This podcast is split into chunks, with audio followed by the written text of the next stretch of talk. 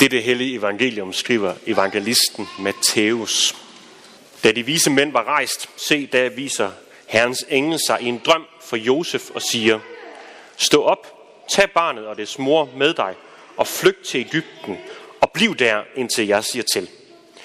For Herodes vil søge efter barnet, for at slå det ihjel. Og han stod op, og mens det endnu var nat, tog han barnet og dets mor med sig og drog til Ægypten. Og der blev han, indtil Herodes var død, for at det skulle opfyldes, som Herren har talt profeten, der siger, fra Ægypten kaldte jeg min søn. Da Herodes nu indså, at han var blevet narret af de vise mænd, blev han rasende. Og i Bethlehem og i hele dens omegn lod han alle drenge på to år og derunder myrde, ud fra den tid, han havde fået opgivet af de vise mænd. Der opfyldtes det, som var talt med profeten Jeremias, der siger, I Rama høres råb, gråd og meget klage. Rakel græder over sine børn. Hun vil ikke lade sig trøste, for de er ikke mere. Da Herodes var død, se, der viser Herrens engel sig i en drøm for Josef i Ægypten, og siger, stå op og tag barnet og dets mor med dig og drag til Israels land, fordi der stræber barnet efter livet er døde. Og han stod op, tog barnet og dets mor med sig og kom til Israels land. Da han hørte, at Archelaus var blevet konge i Juda efter sin far Herodes, turde han ikke tage derhen, men han fik i drømme en åbenbaring om at rejse til Galilea, og der bosatte, sig, bosatte han sig i en by, der hedder Nazareth, for at det skulle opfyldes, som det er talt ved profeterne, at han skulle kaldes Nazaræer. Sådan lyder Herrens ord. Amen.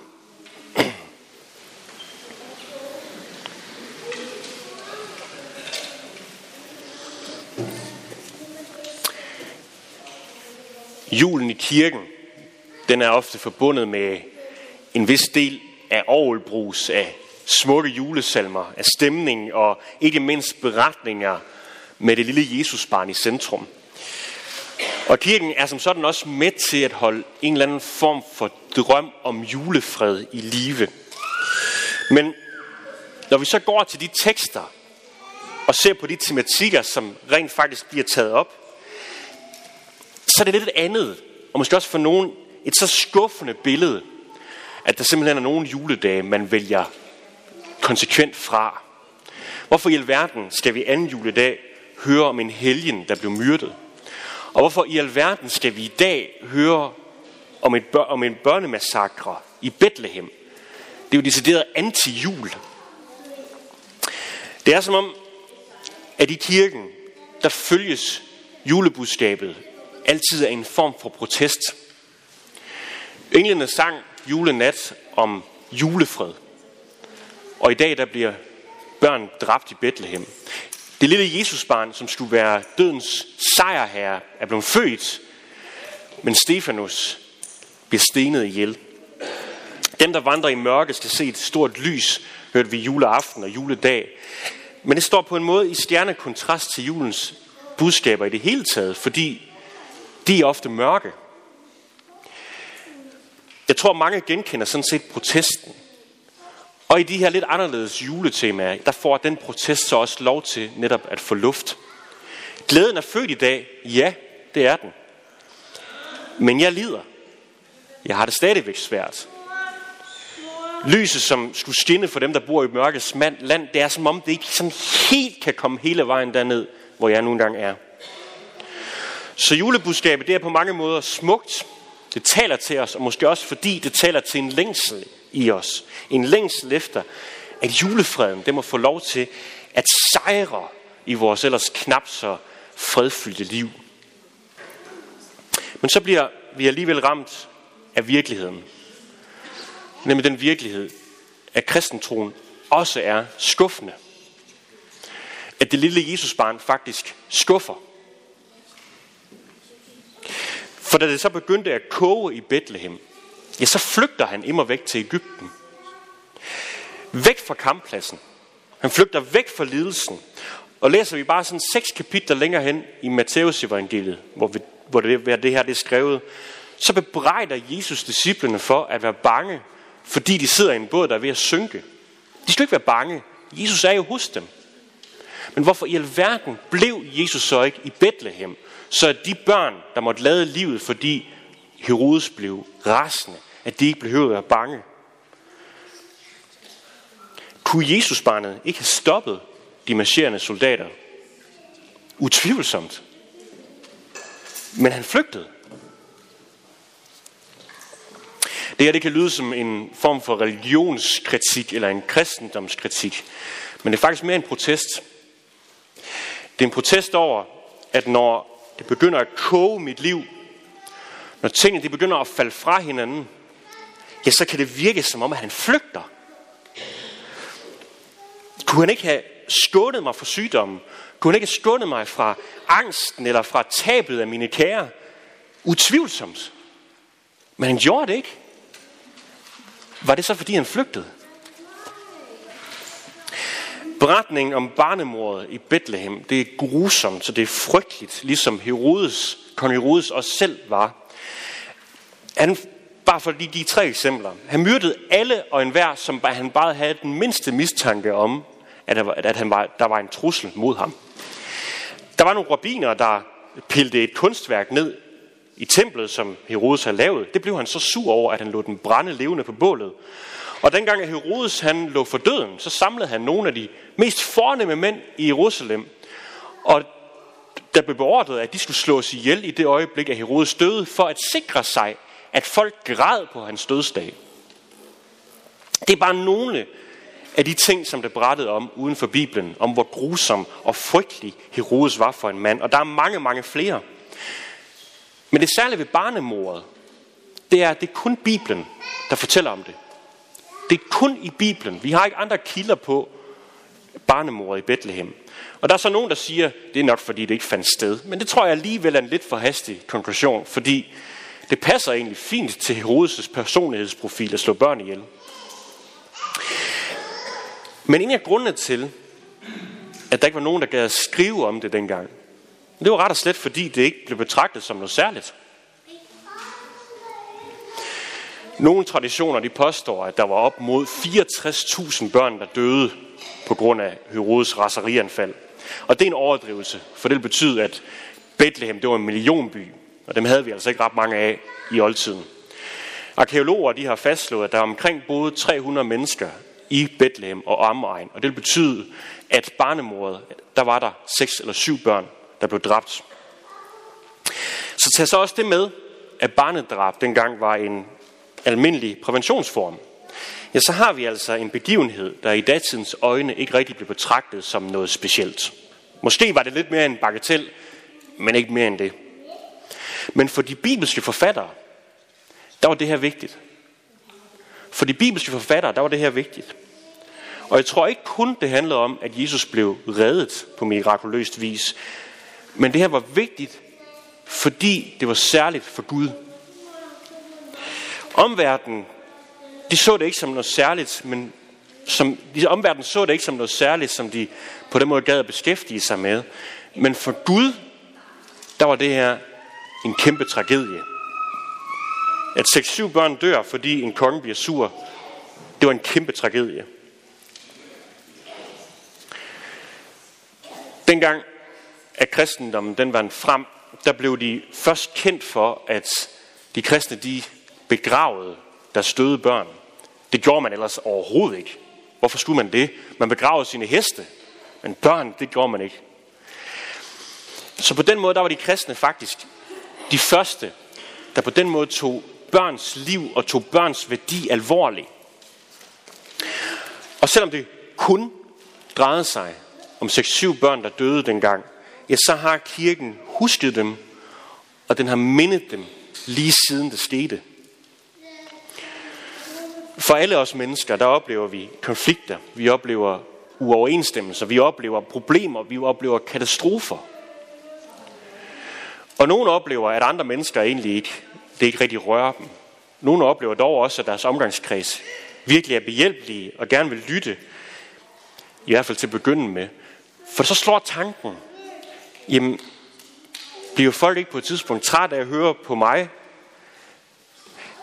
Er min katastrofe i mit liv, er det, ikke, er det blevet triviel? Og tror folk virkelig, at, at jeg er kommet videre? Beretningen om de her 6-7 børn, som blev myrdet på grund af en grusom konge, det er et bevis på, at vores katastrofer, vores nedture, om det er, ligger i datiden, eller om det er noget, der er meget virkeligt lige nu, de er nedskrevet i Guds bog. De er husket af Gud. De er taget alvorligt. Han mindes dem, som kirken har mindet de her, den her håndfuld børn igennem alle tider. Men hvorfor stak Jesus af? Kunne han ikke have forhindret, at det var sket? Kunne han ikke det? Ordet ramaskrig, det kommer fra den her beretning. I Rama høres råb.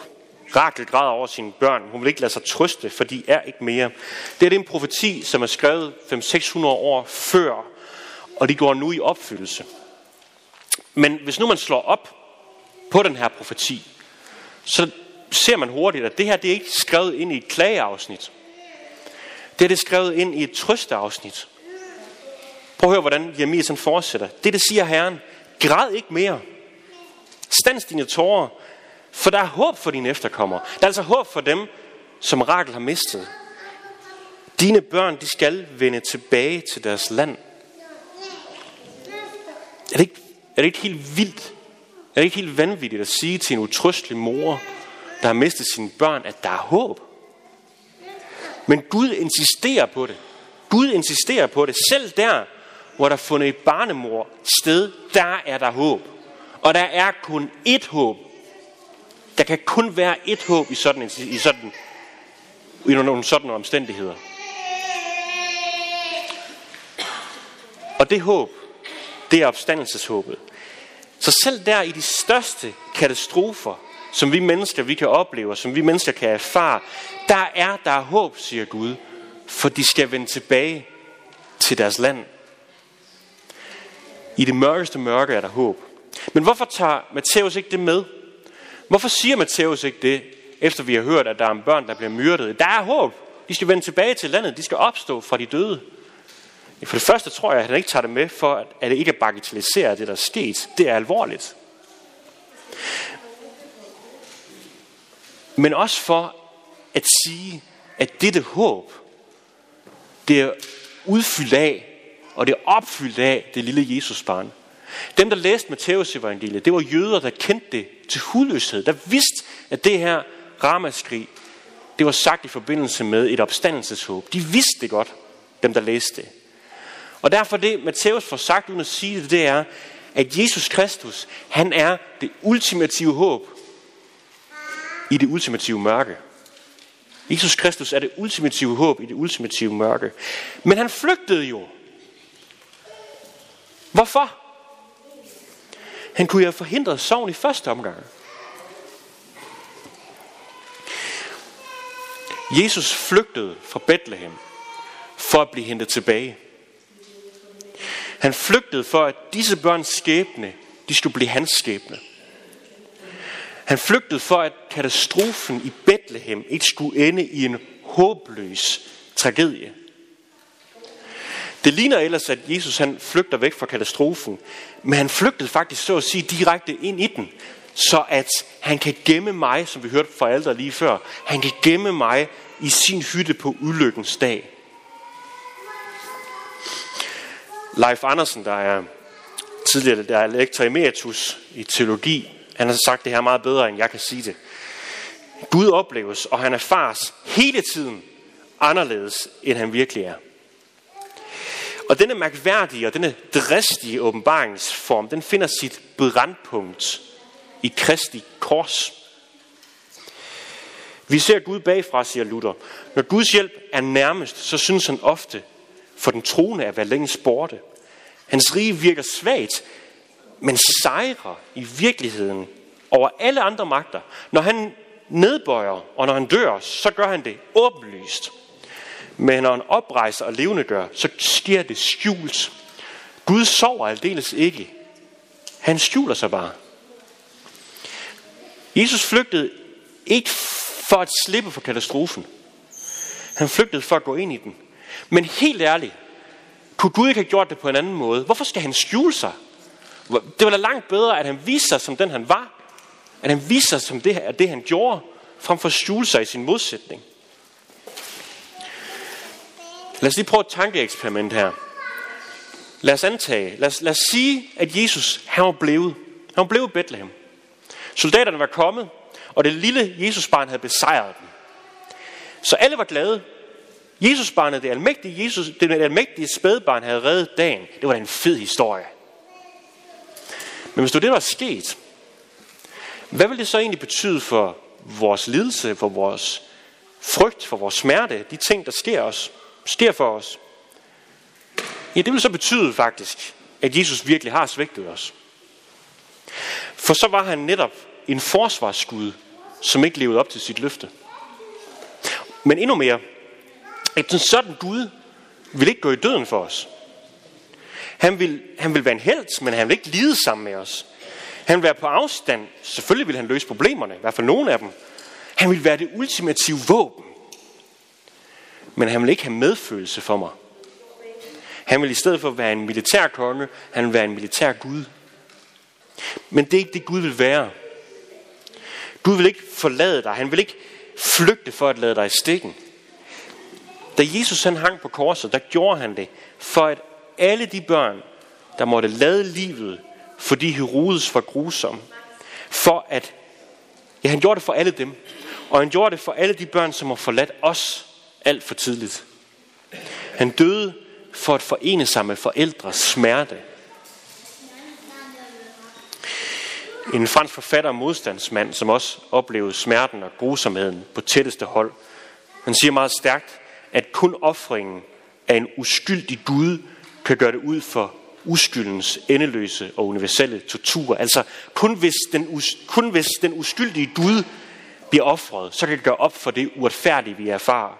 Kun Guds mest frygtelige lidelse, det kan, ændre, det kan lindre menneskets smerte.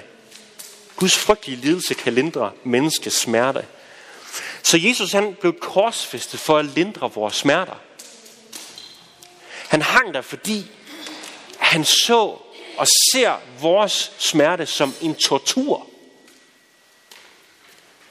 Så alvorligt tager han den. Så Jesus, han flygtede ikke fra Bethlehem for at undgå smerte. Han flygtede, fordi han tager din og vores menneskers lidelse og sorg og universelle tortur i verden så alvorligt, at han selv vil lide den. Men endnu mere. Jesus han kom for fordi han vil udslette al ondskab. Han vil skabe en ny verden til os. Men først kom han for at forene sig med dig i et og alt. Han kom for dit er et håb, selv i de mest frygtelige og grusomme omstændigheder. Så Jesus og hans familie, de flygtede til Ægypten, for at du i troen på ham kan have et håb. Kan have et håb, som giver håb til alle andre håb. Håbet, som er opstandelseshåbet. For det, Jesus har vundet til os, det er det evige. Det er det sande. Det er det ægte liv. Og når han kommer igen, så vil det liv også bryde frem. Så får vi den julefred og smage, som vi enten oplever brudstykker af, eller som vi oplever totalt fraværende, men inderligt længes efter. Så med det håb i favnen, der kan vi ønske hinanden, selv i det dystre mørke, en glædelig jul. Og vi kan også ønske hinanden et godt nytår. For Jesus har vundet os et håb i alle livets situationer, og i hvilke som helst hændelser, der vil ske i det nye år. Han ser, og han husker vores kriser, og han har gjort sig til ét med vores lidelse. Det er jul. Lad os bede. Jesus, vi beder om, at det må gå os til hjertet. At du ikke flygtede for at undgå vores smerte, men for netop at tage del i den. Og vi beder dig om, at det også må blive gjort tydeligt i vores liv. Vil du hjælpe os, Helligånden, til at vi i enhver sammenhæng under alle forhold kan lovprise dig og sige lov tak og evig være dig, vor Gud, Far, Søn og Helligånd. Du som var er og bliver en sand treenig Gud, højlovet fra første begyndelse, nu og i al evighed. Amen. Lad os nu med apostlen tilønske hinanden.